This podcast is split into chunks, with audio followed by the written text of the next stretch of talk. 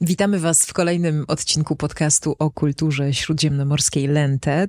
Strasznie jesteśmy zajęte, mm, albo jesteśmy gapy straszne, ale przegapiłyśmy rok podcastu Lente, to znaczy przegapiłyśmy w, w odcinkach, ale wracamy do tego w tym odcinku mm, spe specjalnym, bardzo specjalnym, który myślę, że można jakoś tak podsumować słowami, że tym razem będzie to podróż do wnętrza siebie.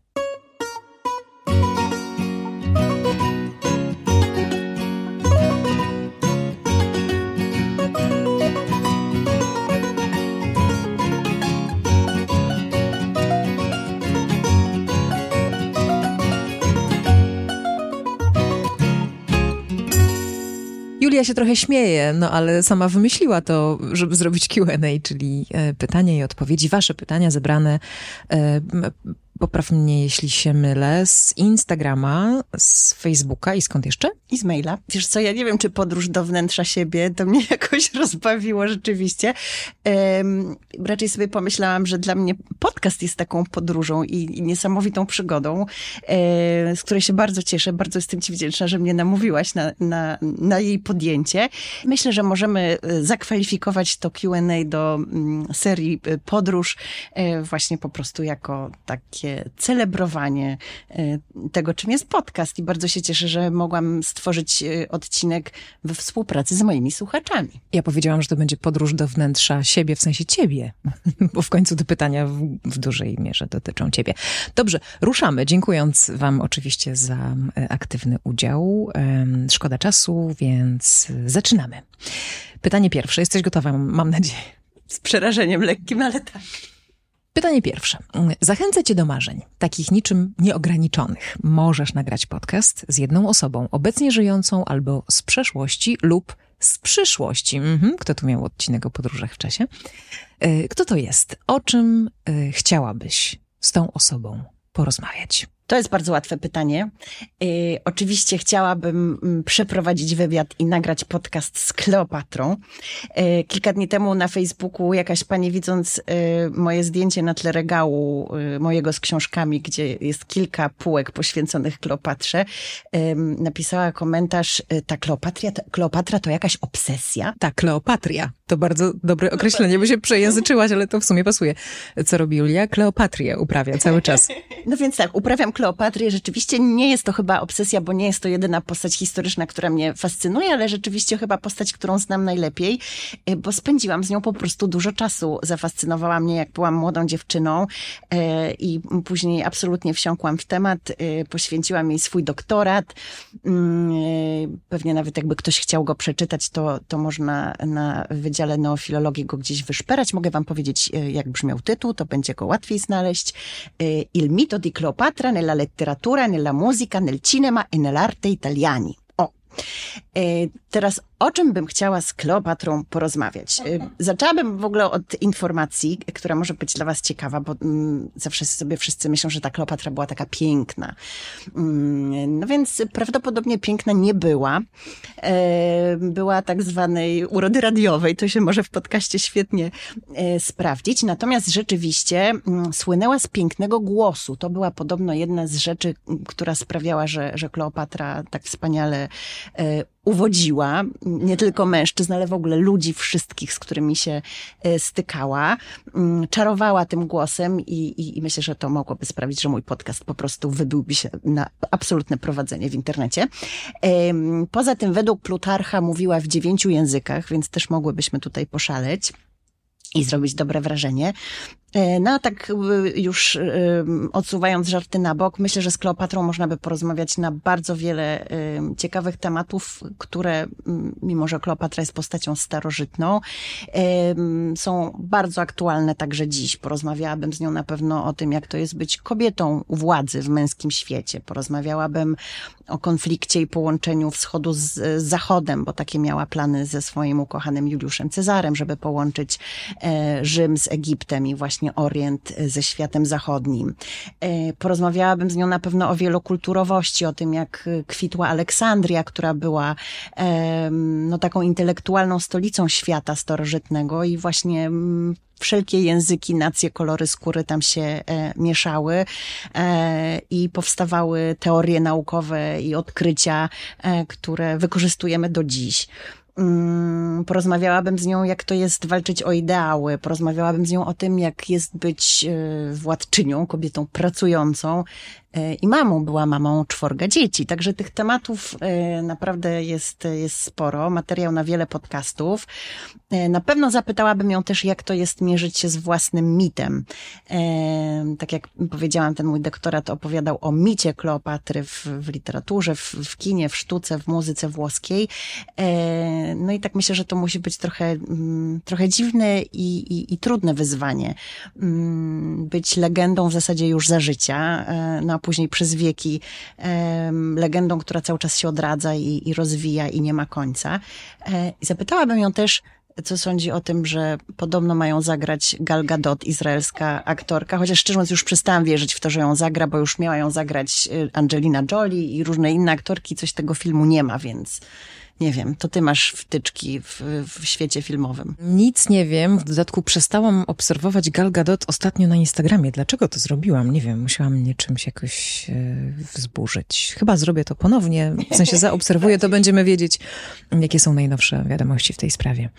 Kleopatra, bardzo mnie zainteresowałaś tą odpowiedzią. Muszę sobie zgłębić sama Kleopatrę. Nie, Py poczekaj, no? poczekaj, poczekaj, przecież mamy zrobić podcast o Kleopatrze. A, dobrze, dobrze. To, to, wtedy będę zadawać tak, te pytania. w nowym roku zrobimy. Już mam to zaplanowane. Dobrze. Następne pytanie. Do której epoki chciałabyś się przenieść najbardziej, Julio, ze starożytności? Oczywiście do starożytności, ale dzisiaj rozmyślałam nad tym pytaniem, bo ja jestem wielką miłośniczką podróży w czasie i na przykład uwielbiam książki o cofaniu się w czasie i właśnie różnych przenosinach, mm, więc to w ogóle jest moje marzenie, żeby rzeczywiście móc w czasie podróżować, ale gdybym mogła zrobić to tylko raz, to wbrew pozorom wcale chyba nie chciałabym się cofnąć do starożytnego Rzymu, czyli mojej najukochańszej epoki i miejsca. Wydaje mi się, że tak dobrze... Dosyć niebezpiecznie chyba tam to, było. To też, ale przede wszystkim jakoś tak mi się wydaje, że tak dobrze już znam to miejsce, że no tak, tak, tak jakoś mało egzotycznie. E, I pomyślałam, że chyba bardziej chciałabym się przenieść do, w Grecji, na przykład y, na starożytną Kretę, mm, Kretę minojską, e, może właśnie tam jakieś też Santorini, to też była kultura minojska, e, jednak dużo wcześniej, czyli mm, tysiąc plus lat przed naszą erą. Takie czasy w zasadzie na poły mityczne, to by mi się bardzo podobało.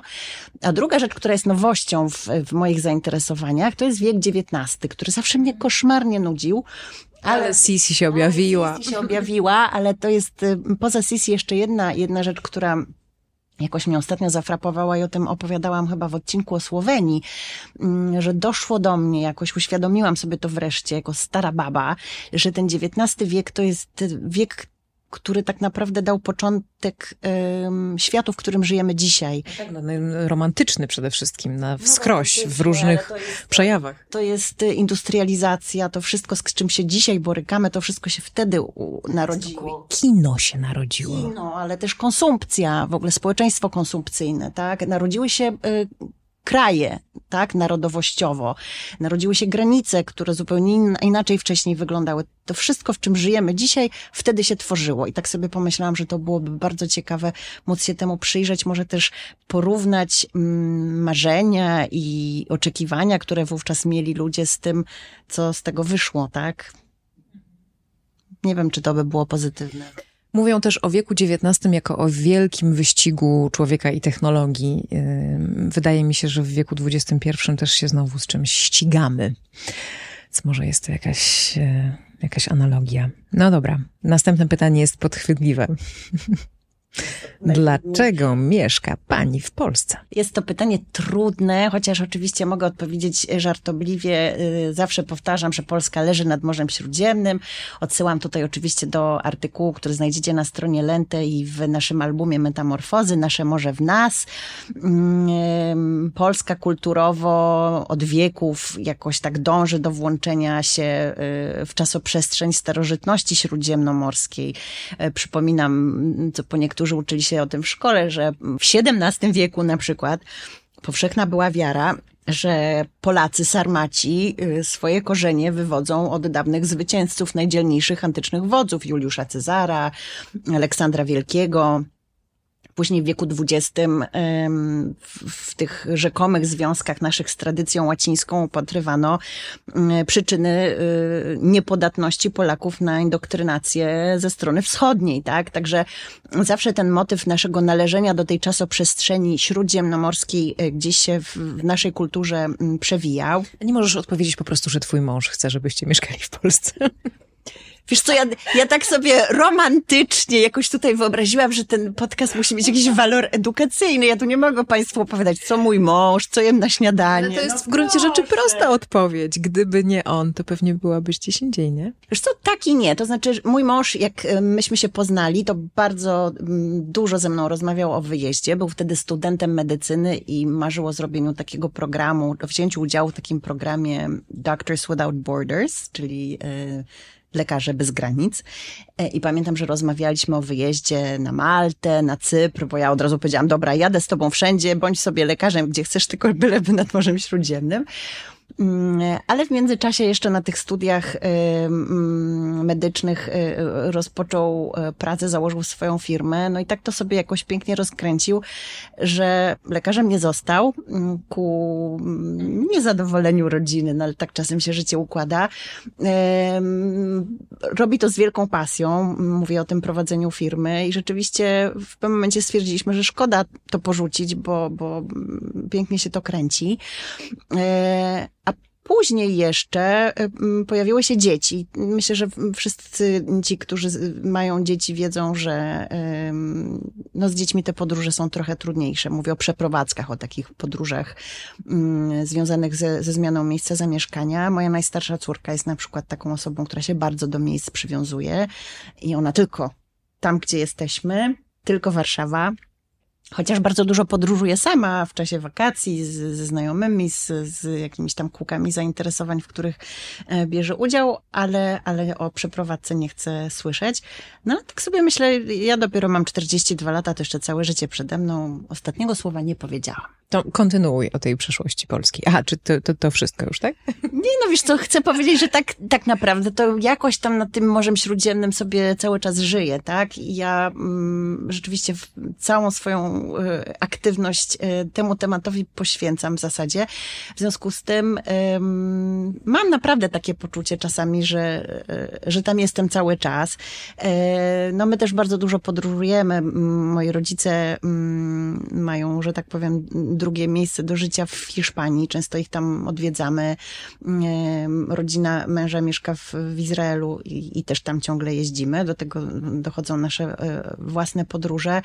E, jesteśmy... Coraz częściej bywacie w Wiedniu, co mnie bardzo cieszy. Mój mąż nie lubi Wiednia, powiem ci, więc nie wiem, jak to będzie dalej. Chyba my pojedziemy same, Magda, e, co nie jest złym pomysłem.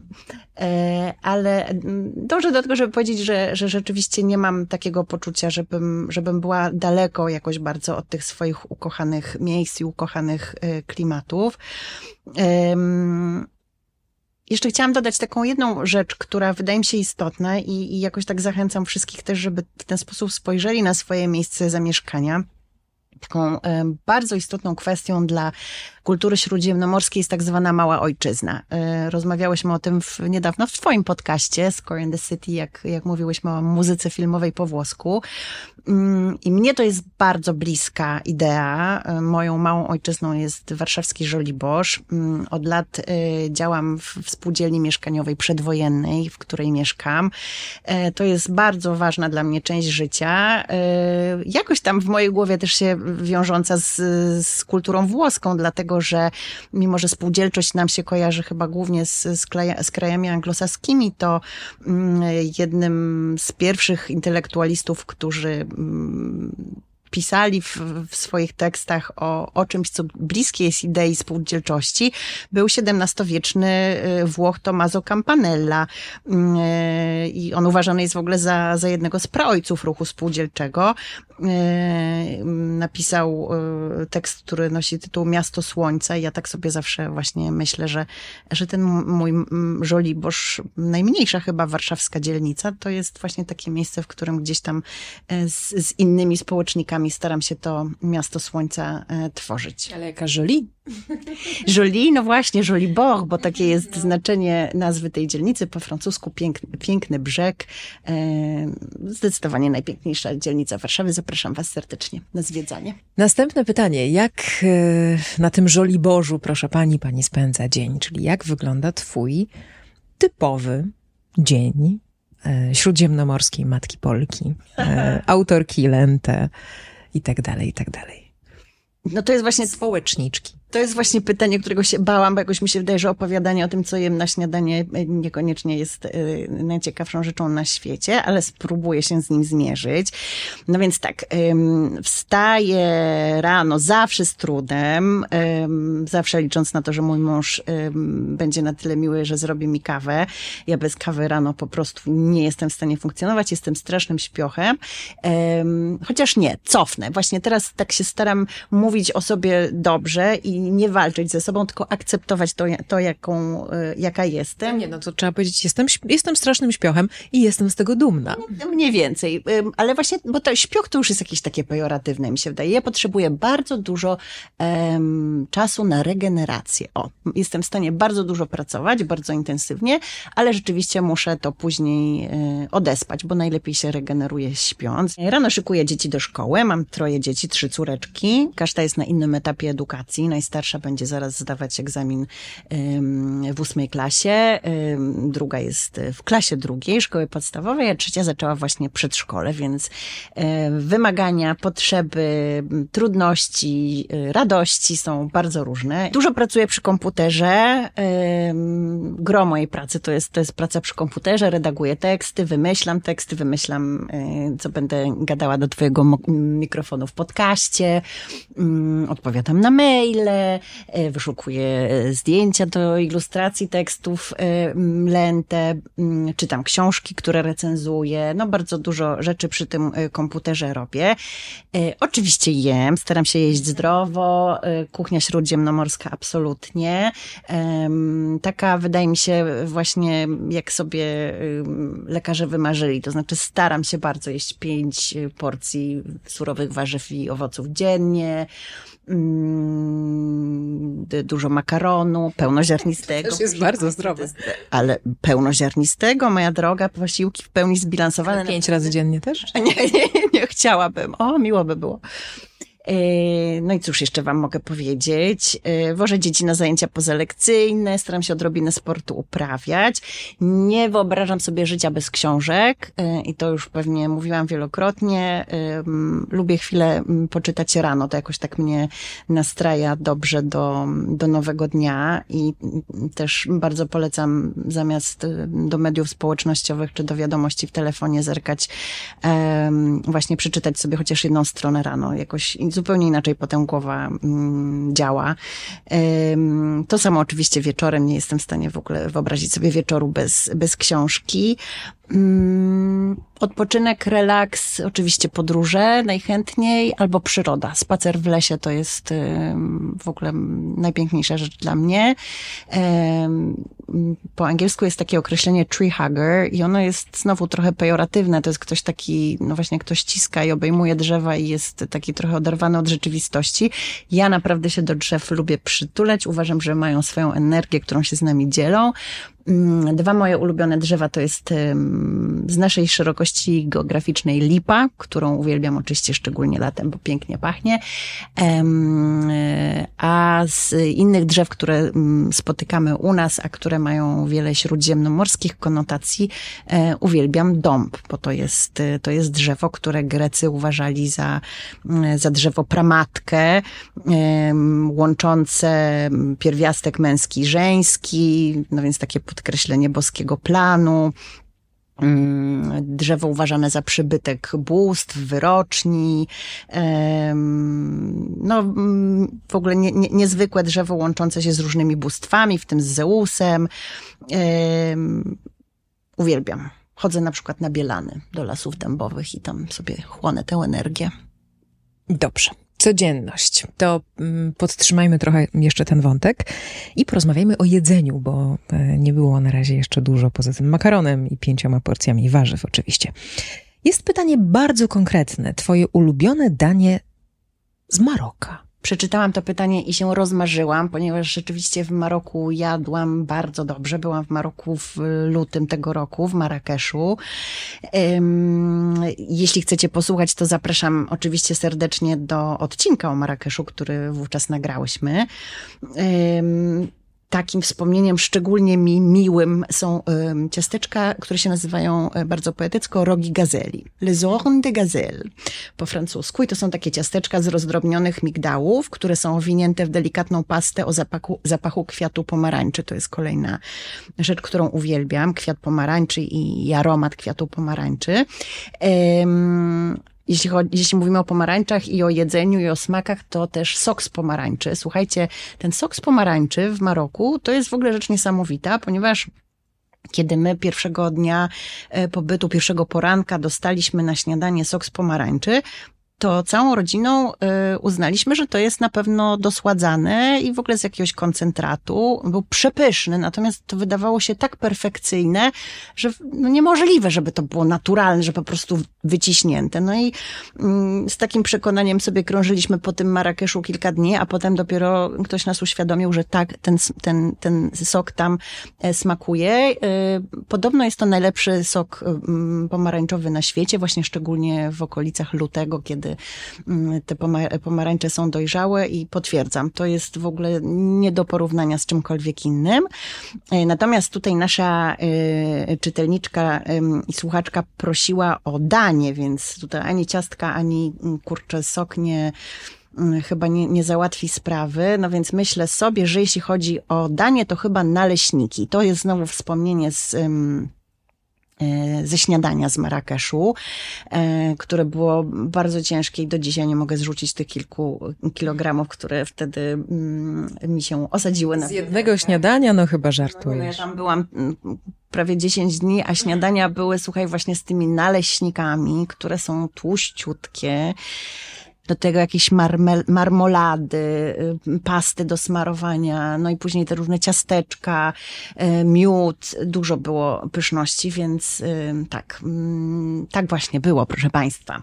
Ale wracając do naleśników, na stronie Lente jest przepis na mm, najbardziej chyba charakterystyczne marokańskie naleśniki, które się nazywają begrir lub bagrir, jeśli dobrze pamiętam, mają właśnie dwojaką wymowę, mm, które są przygotowywane z drobnej semoliny, i smażone na gorącej patelni tylko z jednej strony. Mm, bywają nazywane naleśnikami z tysiącem dziur, bo podczas smażenia na powierzchni ciasta właśnie takie malutkie dziurki się pojawiają. No i to jest to, co mnie tam na bardzo złą drogę sprowadziło. O rany, jestem taka głodna, idziemy dalej. Ale zostajemy w temacie, niestety. Twoja ukochana książka yy, kulinarna. Tutaj chyba czar pryśnie.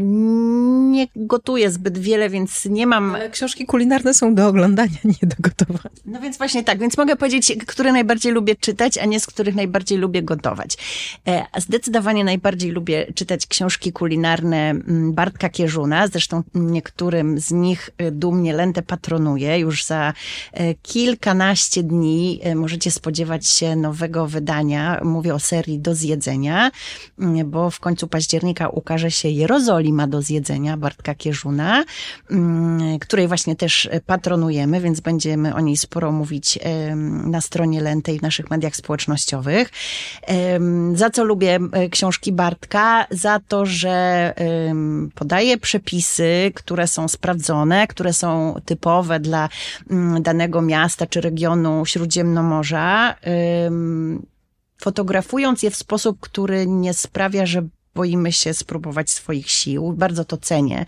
To nie są przepisy jakoś niezwykłe, wymyśl, niezwykle wymyślne i jeszcze do tego sfotografowane w sposób taki, że mamy po prostu mm, no nie wiadomo co na tym talerzu i sobie myślimy, Boże, no to to może zrobić y, szef w jakiejś restauracji z pięcioma gwiazdkami Michelin, ale nie ja. E, to jest wszystko takie bardzo przyjazne. E, przede wszystkim jednak oczywiście cenię Bartka za to, że mm, ma taki niesamowity dar gawędy. On opowiada o jedzeniu, opowiadając y, o wszystkim innym, o zwiedzaniu miasta, e, o poznawaniu ludzi, o aromatach, o dźwiękach, o kolorach. E, I do tego jest tym bardzo taki naturalny, e, w tym nie ma za grosz pretensjonalności, co bardzo cenię. On się nie sili na jakieś niesamowite poetyckie opisy. To są rzeczywiście wspomnienia z podróży, a że tak jak ja najbardziej sobie ukochał Śródziemnomorze i podobnie jak ja ceni fakt, że tam się wszystko ze wszystkim łączy, no to absolutnie uważam, że, że jego książki są najcudowniejsze. Twoi słuchacze są tak rozsmakowani, że nie dają ci spokoju, jeśli chodzi o tematy kulinarne, bo jest jeszcze jedno takie pytanie, yy, mianowicie, czy jest jakaś szansa, że wróci twoja restauracja Lente, którą miałaś? Może wróci, ale już nie ze mną. nie, nie wróci, dlatego że to było dla mnie bardzo trudne doświadczenie, y, za które jestem zresztą bardzo, bardzo wdzięczna i nie jest to, y, że tak powiem, po włosku modo di dire, czyli jakiś sposób wyrażenia myśli, tylko naprawdę tak jest. Mam w sobie dużo wdzięczności za to trudne doświadczenie, bo bardzo dobitnie dowiedziałam się wtedy, e, czego w życiu nie chcę robić i czym się nie chcę zajmować. Nie chcę żyć w pędzie. Praca w gastronomii, którą zresztą para się mój mąż, to jest praca na bardzo wysokich obrotach, bardzo często bez, bez odpoczynku, w bardzo dużym pędzie, pod dużą presją czasu i to jest coś, co mnie zdecydowanie nie wychodzi i nie służy. Lente, proszę Państwa, znaczy powoli. E, nie chcę też zarządzać ludźmi. To jest kolejna rzecz, która, e, która jest mi po prostu obca. E, ja jestem człowiek, który uwielbia wchodzić w bliskie relacje. Bycie szefem to nie jest coś, co, co jakoś mi pasuje. Natomiast wracając jeszcze do tej wdzięczności, w ogóle tak sobie myślę, że wdzięczność to też jest taka rzecz śródziemnomorska. Nawet jak się spojrzy na to słowo, po, na jego etymologię, to mamy po włosku jest na przykład riconoscenza, czyli ponowne uświadomienie, nowe poznanie, powrót do czegoś, co już wiedzieliśmy. No trochę tak właśnie ze mną było z tym, z tą restauracją, że ja teoretycznie zawsze właśnie wiedziałam, że lubię powoli, że lubię słowo pisane, że lubię bliskie relacje z ludźmi, e, a nie pęd, e, a nie zarządzanie. E, no ale jakoś widocznie musiało się zdarzyć coś takiego w moim życiu, co mi to ponownie uświadomi i, i bardzo, bardzo się z tego cieszę. Także nie, nie będzie już restauracji Lenty. Idziemy teraz w stronę książek. To jest e, następny taki bardzo obszerny e, temat w kręgu zainteresowań czytelników i słuchaczy mm, Lentę. Najważniejsza książka.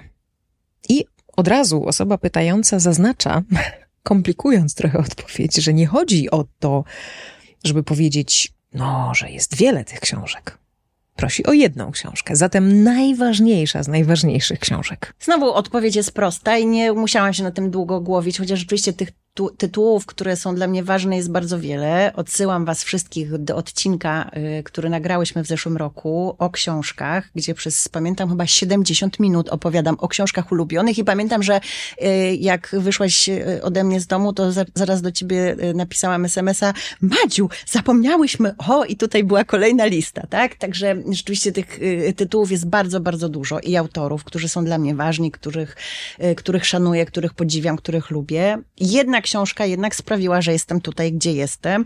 Mówiłyśmy przed chwilą o, o wdzięczności. Mm, no więc wdzięczna jestem za to, że jestem y, tutaj e, mitologii Parandowskiego i samemu Parandowskiemu. E, to jest tak zwana moja lektura formacyjna, jeśli mogę użyć takiego e, wyrażenia. Już wielokrotnie opowiadałam o tym, jak ją czytałam. Miałam chyba około czterech lat. Szybko się nauczyłam czytać, szybko zaczęłam czytać sama.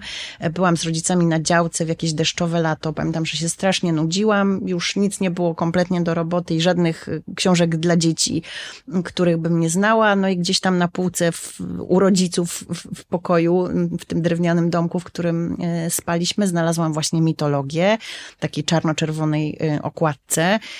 No i po prostu absolutnie przepadłam. Pamiętam, że zakochałam się w postaci Artemidy. Absolutnie fascynowały mnie westalki. To też jakieś takie trochę Włosi by powiedzieli morbozo, czyli trochę takie no niezdrowe zainteresowanie. Pamiętam, fascynowała, fascynowała mnie opowieść o westalkach, które jeśli złamały śluby, były murowane żywcem.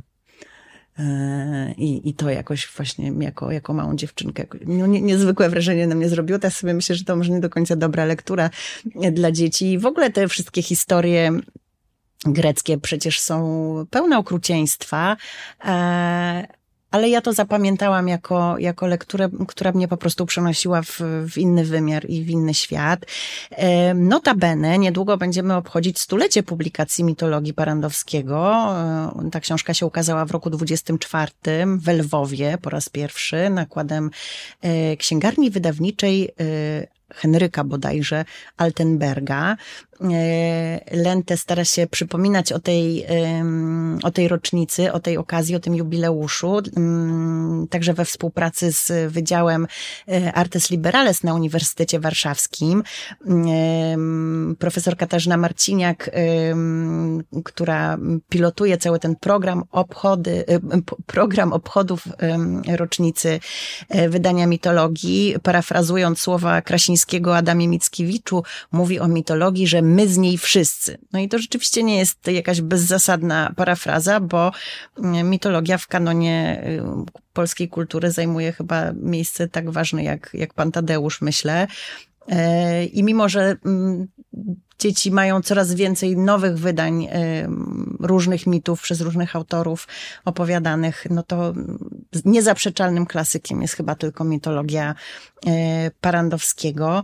E, dla mnie książka najważniejsza, także dlatego, że mm, dzisiaj właśnie chociażby fakt, że widzę, że, że może nie do końca odpowiednia dla dziecka, e, no myślę sobie, że nawet krytyka, nawet zaprzeczanie, negacja, odrzucenie książki to też jest jakaś recepcja, prawda? A ta recepcja kultury starożytnej to jest, to jest mój konik, więc także z tego punktu widzenia mm, jest to dla mnie książka bardzo ważna. No mam taki swój y, egzemplarz, który już jest cały, kompletnie rozklejony, y, ale ma y, najważniejsze miejsce na półce. No to będę lobbować za specjalnym odcinkiem o mitologii, bo w przyszłym sezonie mm, pod hasłem tożsamość chyba ona się bardzo dobrze sprawdzi, nie? Mm, nie pomyślałam o tym, brzmi dobrze, dobrze. Dobrze, dobrze. Kontynuujemy. Teraz y, trudny taki y, strzał, powiedziałabym, pytań, bo jest ich kilka wokół jednego wątku, ale jednak bardzo konkretne pytania. Widać, że tutaj konkret. Uwaga. Jakie są Twoje ulubione księgarnie we Włoszech e, i w krajach śródziemnomorskich? Które miejsca we Włoszech poleciłabyś dla bibliofilów? I czy wolisz księgarnię z nowymi książkami, czy jednak antykwariaty? Pytanie dla osoby mm, uzależnionej, y, bardzo trudne. Oczywiście kocham wszystko, proszę Państwa, i nowe, i stare księgarnie, i antykwariaty, i biblioteki, i stragany, i targowiska.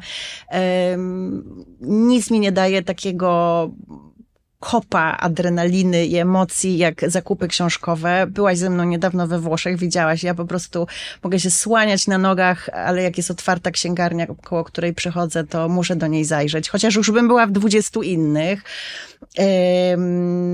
I, bardzo dużo niestety pieniędzy tam przypuszczam. Także, także tutaj mogę długo o tym opowiadać. Uwielbiam bankarelle, czyli te takie stragany przy termini w Rzymie. To jest moja zmora, bo tam można książki kupować czasami za jakieś bardzo drobne sumy.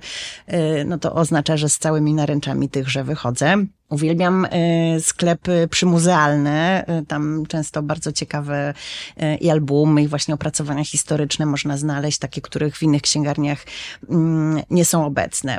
Zawsze chodzę we Włoszech do Feltrinellego, są najlepiej zaopatrzeni, zresztą sam Feltrinelli to jest taka ciekawa postać. Nie wiem, czy wiecie, że Feltrinelli był we Włoszech pierwszą osobą, która zdecydowała się na publikację i przekład doktora Żywa Trivago. E, manuskrypt tej książki został gdzieś tam przeszmuglowany, e, wyniesiony z, z Rosji w latach 50. E, no i potem jest jakaś taka niesamowita historia, bo Feltrinelli w bardzo mm, dziwnych okolicznościach i do dzisiaj niewyjaśnionych zginął. Więc tutaj no, też jest jakiś kryminalny wątek. No ale Feltrinelli dzisiaj to jest po prostu najpopularniejsza sieć księgarni. E, księgarni we Włoszech jest podobno, nie wiem czy to jest możliwe, ja mam, jestem kiepska z liczb, gdzieś wyczytałam, że około 3,5 tysiąca. To mało, nie? ale dwa i pół z tego to są księgarnie niezależne. I to jest akurat miłe, że jest więcej tych niezależnych niż sieciówek. E, no ale właśnie mało i to się zgadza, bo ja tak sobie pomyślałam wczoraj, że, e, że wchodzę do każdej, którą napotkam, no i to jest wykonalne chyba właśnie tylko dlatego, że nie jest ich tak dużo. E, z takich bardziej właśnie sieciowych wchodzę jeszcze na przykład na termin i zawsze do Borri Books, tam jest bardzo dobra oferta książek historycznych. W Rzymie lubię też takie miejsce, które możecie sobie też znaleźć w sieci, nazywa się Libreria Giuffa E, to jest e, księgarnio-kawiarnia, a nie jest to we Włoszech e, koncept zbyt popularny. Ma duży wybór komiksów, też wiem, że niektórzy z Was czytają komiksy po włosku, więc, więc to jest właśnie dobre miejsce w Rzymie. Niedawno byłam w Trieście, w mieście, którym, w którym się absolutnie zakochałam i to też jest wspaniała meta dla, dla bibliofilii. Dużo fajnych księgarni, sporo właśnie księgarni niezależnych.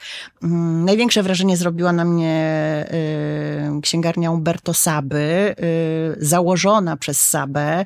Spotykali się tam najwięksi y, literaci związani z Trestem, z Wewo, Triestem, z Wewo, Montale, Levi.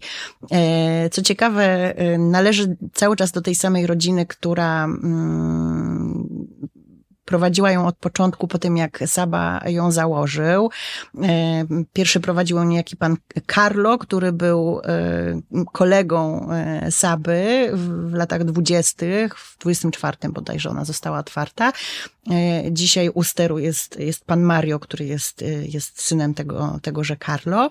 Księgarnia znajduje się blisko tego pięknego głównego placu Piazza dell'Unità, więc można sobie spacerkiem podejść, e, miejsce niezwykłe, na w zasadzie instytucja, tak? Um, stuletnia, e, historyczna, pełna książek starych, nowych, e, często bardzo rzadkich, cudowne miejsce. Mm, wspaniałe księgarnie są w Napolu, na przykład jest taka Libreria Fiorentino, którą odwiedzał Croce namiętnie, jest Libreria Colonnese.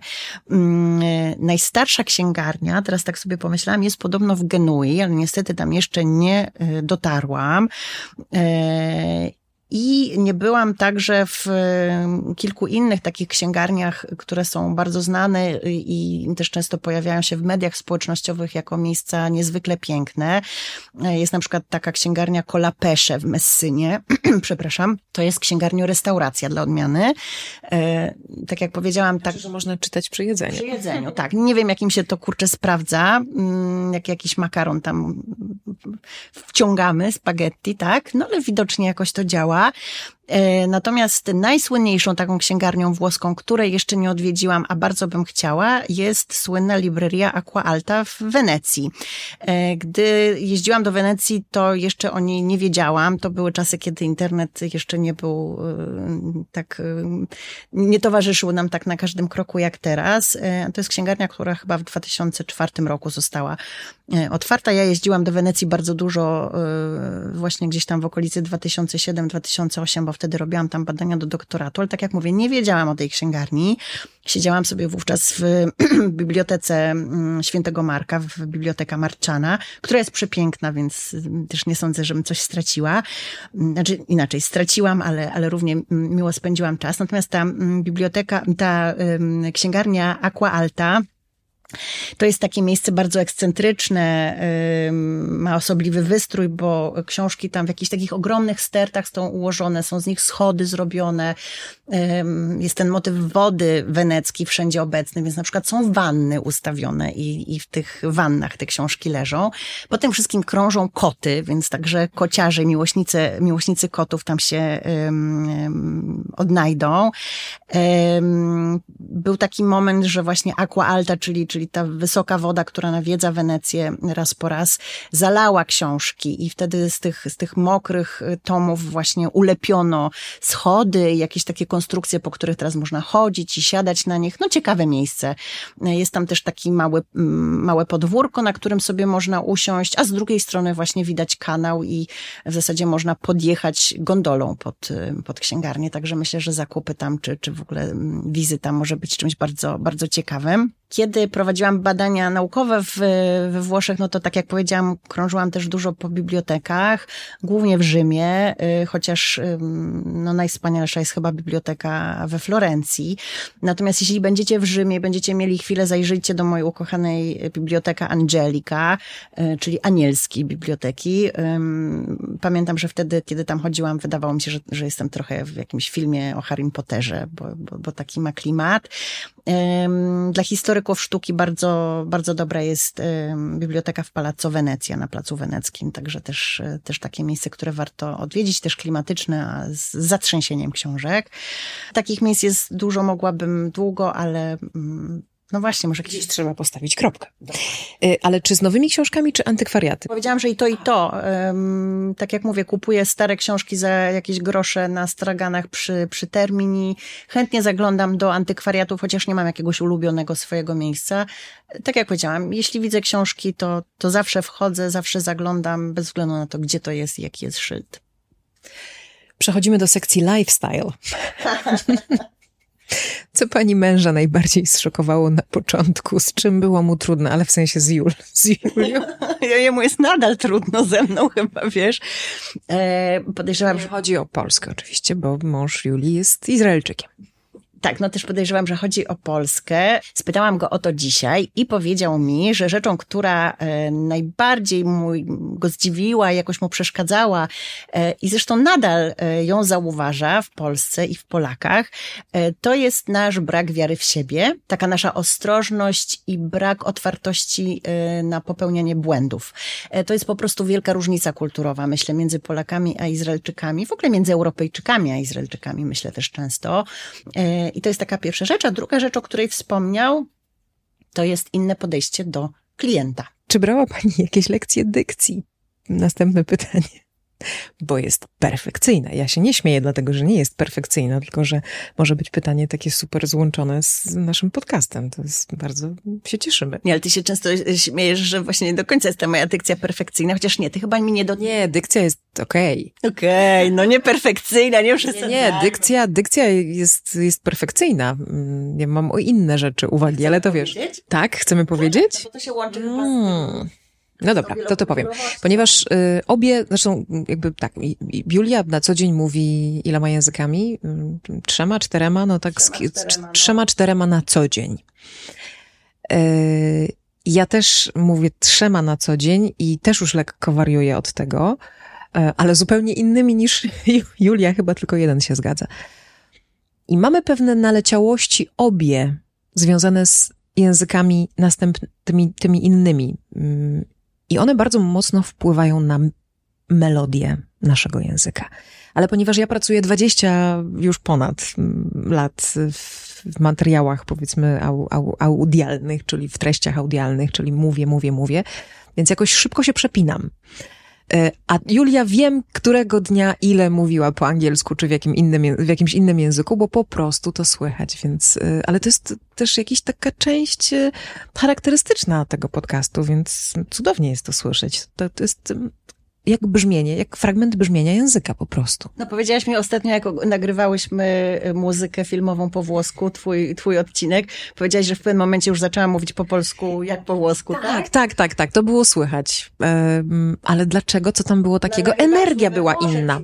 tak? Ja cały czas gadałam po włosku. Ale energia była inna, to znaczy mówi się w każdym języku zupełnie inaczej układa się cały aparat mowy. Mm, jeszcze jedno pytanie o języki. Jak się Wam udała, czy też jak się Wam udaje trójjęzyczność w rodzinie? Chodzi mi zwłaszcza o angielski. Przede wszystkim zapraszam znowu, przepraszam Was, że tak cały czas odsyłam, ale większość tych tematów um, została przez nas z, z Magdą szeroko omówiona w, w, poszczególnych odcinkach i właśnie o językach.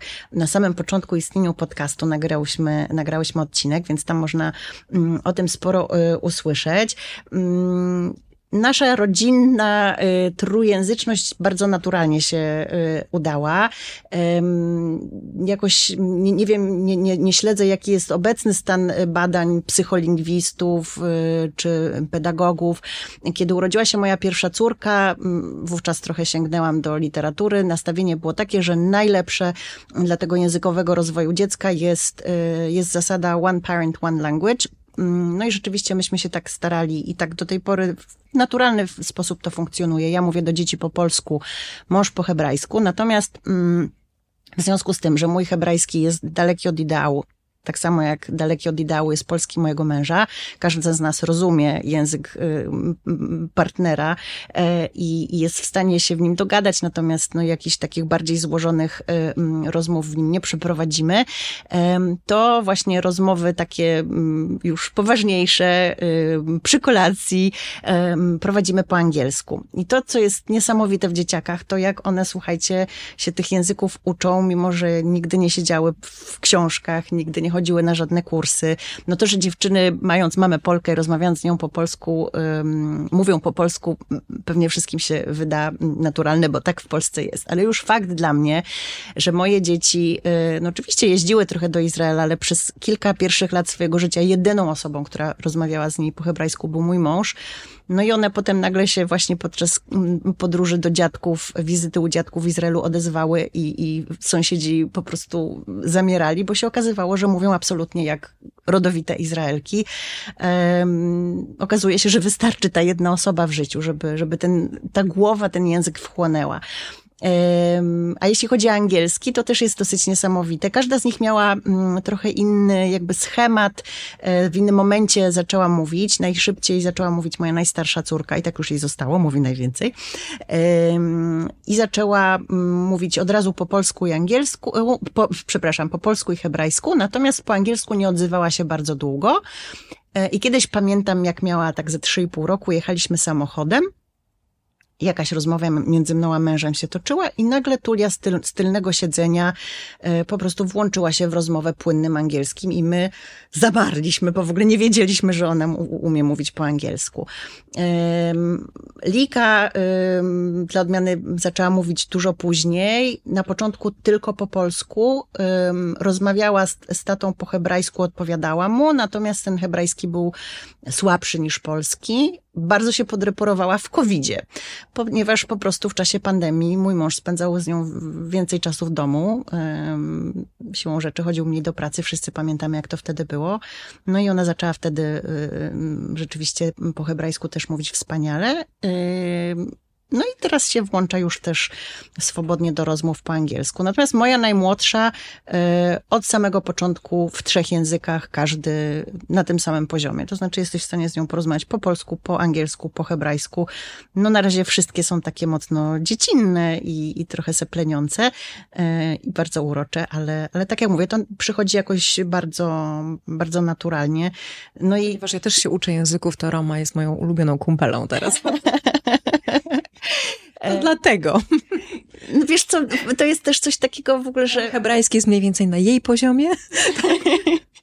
No tak, mój też w sumie, no. Nie będę tutaj udawać, że mój hebrajski jest jakiś niesamowity. No dużo rozumiem, ale nie, nie, trochę się wstydzę odezwać. Natomiast e, niesamowite jest patrzenie się na te dzieciaki i to, to jest po prostu potęga umysłu, którą widzimy w nich. My, my też to mamy, tylko gdzieś o tym po drodze zapominamy, tak? Jak ta nasza głowa jest chłonna i jak wiele może i jak wiele potrafi. Jedno z ostatnich pytań, takie też podchwytliwe powiedziałabym. Czy we Włoszech należy się o wszystko wykłócać? Pytanie z tezą. Czy to część włoskiej kultury? Wiesz co, to, mnie to pytanie jakoś zaskakuje, ponieważ ja takiego wrażenia nie mam. Chociaż teraz jak sobie y, uświadomiłam to, to, to znaczy jak o tym pomyślałam, to uświadomiłam sobie, że to nie jest pierwszy raz, kiedy mi się to pytanie zdarza, więc coś musi być w tym. E, Włosi są, o tym też ostatnio rozmawiałyśmy w twoim podcaście, bardzo emocjonalni, więc y, w każdej rozmowie jest dużo gestów, y, okrzyków, nie tylko krzyków, ale okrzyków ym, i przekleństw, ale też oczywiście tego, co dobre, i całusów, i uśmiechów, i klepania po plecach, i, i mówienia do każdego carissimo i carissima.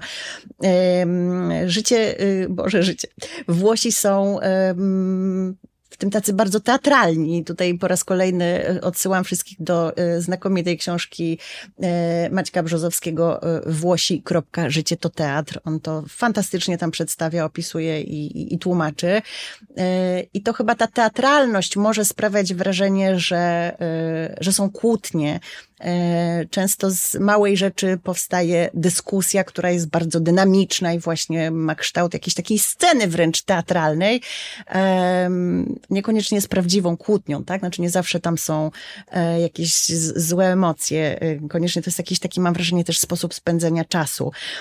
Co ciekawe, to, to, to wykłócanie się to mnie się bardziej kojarzy z, z Izraelem, gdzie właśnie jest takie przekonanie, Izraelczycy często są przekonani, że mają zawsze rację. Trzeba się przekrzyczeć. Tak, Mi też się kojarzy bardziej z Izraelem. Mhm.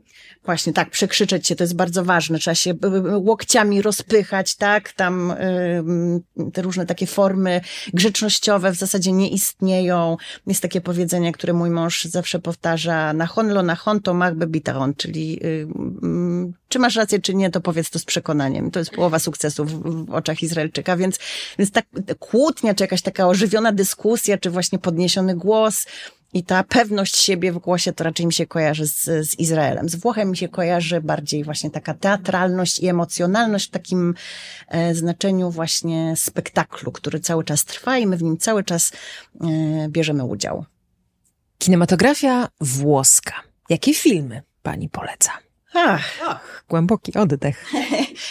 Mm, mam dużo takich filmów, które lubię, ale raczej starszych włoskich. Uwielbiam y, Il Postino na przykład. Uwielbiam ten film. W ogóle Troisi mm, był niesamowitą postacią. Jest mi też bliski, bo kiedyś tłumaczyłam y, jakiś jego mm, film Avista, y, tłumaczenie Troisiego Avista. To myślę, że to dla Włocha byłoby skomplikowane zadanie, a, a ja siedząca... Avista, czyli z marszu. Z marszu, tak. Siedziałam w kinie, leciał film w kinie, a ja go tłumaczyłam do mikrofonu i było to jedno z trudniejszych doświadczeń zawodowych mojego życia. Byłam wtedy studentką. La Vita e Bella oczywiście, Cinema Paradiso. No, wszystkie filmy z piękną muzyką, Ennio Morricone, no Nicola Piovani. Tak, no powiedziałaś Ennio Morricone, bardzo mm, duże wrażenie zrobił na mnie film, który oglądałyśmy razem w zeszłym roku, e, o Enniu właśnie, Ennio. Dlaczego Julia odmienia imię Ennio dowiecie się z odcinka o muzyce włoskiej w moim podcaście. Tak, tak, to wszystko już było, proszę Państwa.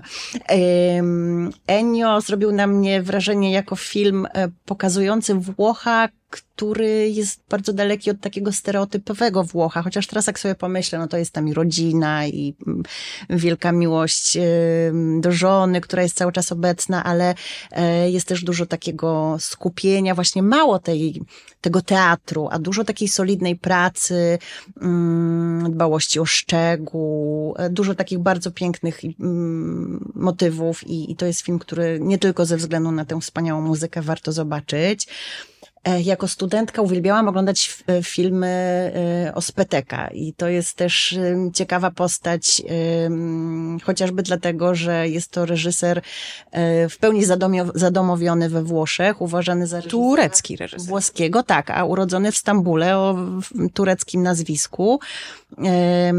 Pamiętam film, on się po polsku chyba nazywał Okna, La Finestra di Fronte. Bardzo popularny również muzycznie. Tak, ma niezwykłą ścieżkę dźwiękową, składankę w zasadzie, tak? Różnych piosenek, w różnych językach zresztą.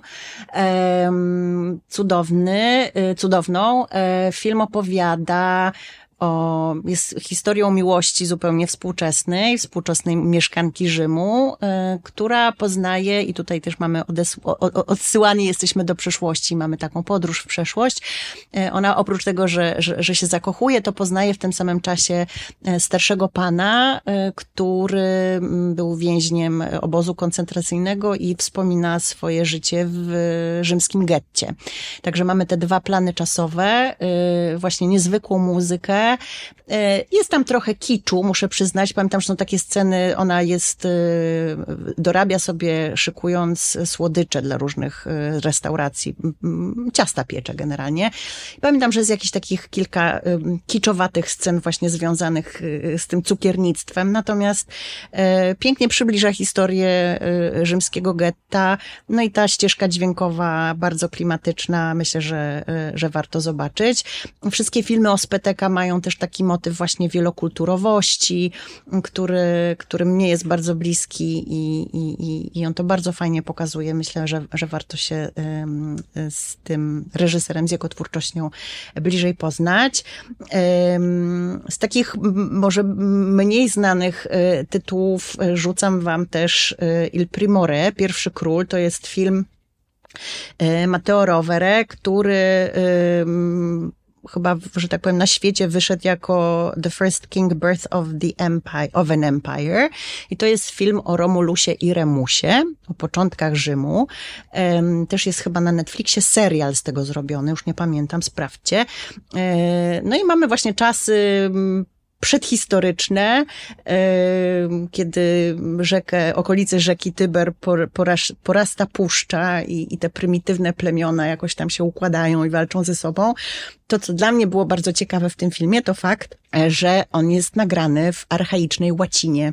Czyli jest ten sam zabieg w zasadzie, który kiedyś Mel Gibson zrobił w filmie Pasja, prawda, który też był po łacinie nagrany i w, w języku aramejskim. Tu mamy archaiczną łacinę, która jest oczywiście jakąś rekonstrukcją. E, no niesamowicie się to e, ogląda i słucha tego przede wszystkim. Ta łacina zresztą nie brzmi jak łacina. Ja tak sobie od razu pomyślałam, to jest chyba jakaś stara łacina, ale to brzmi w ogóle jak jakiś język nie z tego świata. Także też wyzwanie aktorskie niesamowite, prawda? Dla, dla, dla tych ludzi, którzy tam na planie e, brali w filmie udział, no bo grają w języku, którego nie znają i którego nawet nigdy nie słyszeli, tak? Więc, więc taka podwójna trudność. Mm, myślę, że warto, warto zerknąć, bo to też taki przebój e, ostatnich lat. Ostatnią, ostatnim filmem, który mnie zachwycił e, niedawno, tego lata, był film e, Martonego, Mario Martone, Nostalgia. Pytałaś mnie też ostatnio w swoim podcaście o nostalgię uwuchów i kurczę, jakoś nie pomyślałam o tym filmie, a to wspaniałe, wspaniały obraz opowiadający o powrocie do Neapolu e, mężczyzny, który przez długie lata mieszkał za granicą. No i właśnie nostalgia za miastem, które znamy ze swojego dzieciństwa i które nie wiadomo, czy jest takie samo, czy jest już zupełnie inne, a może nigdy nie było takie, jak sobie e, wyobraziliśmy. E, film poruszający, ciężki, trudny, mroczny, ale wspaniały wspaniały. No a kiedy przychodzi, y, pojawia nam się tutaj ten motyw miasta, do którego wracamy, dzieciństwa, tej tożsamości właśnie w tym mieście y, się tworzącej, no to oczywiście od razu mi przychodzi do głowy Fellini, Amarcord, y, Rimini, Felliniego, no i... A, to uprzedzasz ostatnie pytanie, rozumiem. Wieść o tym, że wyruszamy do Włoch, a konkretnie do regionu Emilia-Romagna, a konkretnie będziemy w Rimini, rozniosła się po świecie e, wśród czytelników i słuchaczy. I ostatnie pytanie dotyczy właśnie Felliniego, czyli um, chyba najsłynniejszego obywatela Rimini, urodzonego w tym mieście, i pytanie jest o twój ulubiony film Felliniego. I czy to będzie Amarcord, czyli film poświęcony Rimini, aczkolwiek nie nagrany w Rimini, nie zrealizowany w Rimini, nie nakręcony tam. Tak, myślę, że tak. Myślałam nad tym długo, jaki jest mój ulubiony film Feliniego. Przyznam, że nie widziałam wszystkich, natomiast widziałam wiele.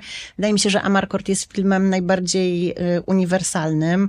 Y, każdy z nas przeżywał te jakieś szkolne miłostki, każdy miał jakiegoś szurniętego wujka, y, prawda? To są takie postaci, które, które w każdej biografii się pojawiają to miejsce właśnie, do którego on wraca i, i które w, w ogóle w całej twórczości Felliniego jest cały czas obecne, to, to jego miasto rodzinne, a które mm, no jest właśnie tym bardziej uniwersalne, że y, jak zauważyłaś, żaden film tak naprawdę w tym Rimini nie powstał i, i, i w filmie Amarcord zostaje odtworzone w, w Cinecittà.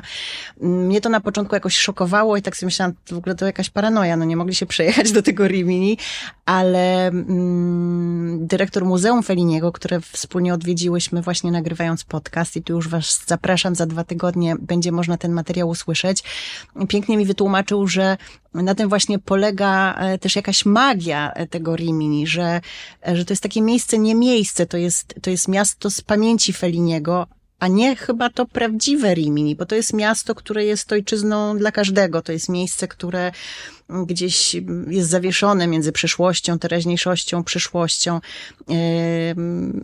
Ta, ta, ta właśnie uniwersalność Rimini i Amarcord to jest taka rzecz, która mnie chyba jakoś najbardziej y, uderza. Mm, Mówiłam już też o fakcie, że y, jakoś niezwykle zainteresowała mnie ostatnio y, kwestia tożsamości. Będę jej chciała poświęcić nasze przyszłoroczne działania lędkowe.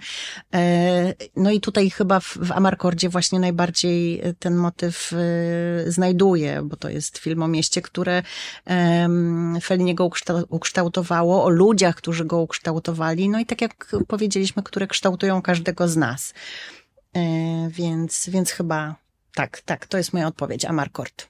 No to zapraszamy za dwa tygodnie. Czegoś takiego, co się stanie tutaj za dwa tygodnie, jeszcze nie było nigdy w tym podcaście, więc yy, warto już ostrzyć tutaj apetyty, bo będziemy mieć dla Was yy, pierwszy z, z, czterech w sumie yy, dużych reportaży e, z Włoch. Reportaży w każdym tego słowa znaczeniu. A tymczasem dzisiaj dziękujemy. To była Julia z podcastu Lente o kulturze śródziemnej jej wnętrze. Mm, zapraszamy Was e, na Instagram, mm, na Facebooka, e, a na Patronite możecie wesprzeć wszelkie działania Lente, jeśli ta idea, żeby rozszerzać Morze Śródziemne na wszystkie kraje świata się Wam podoba. Bardzo dziękujemy. E, ja dziękuję bardzo. Dziękuję Wam wszystkim e, ogromnie za pytania. To była wielka radość e, zobaczyć, co Was ciekawi, ale także stworzyć odcinek z Wami. Myślę, że kiedyś to powtórzymy. Także chowajcie sobie tam skrzętnie swoje pytania. Dziękuję i zapraszam za dwa tygodnie. Naprawdę tego odcinka o Felinim nie możecie przegapić, także bądźcie z nami.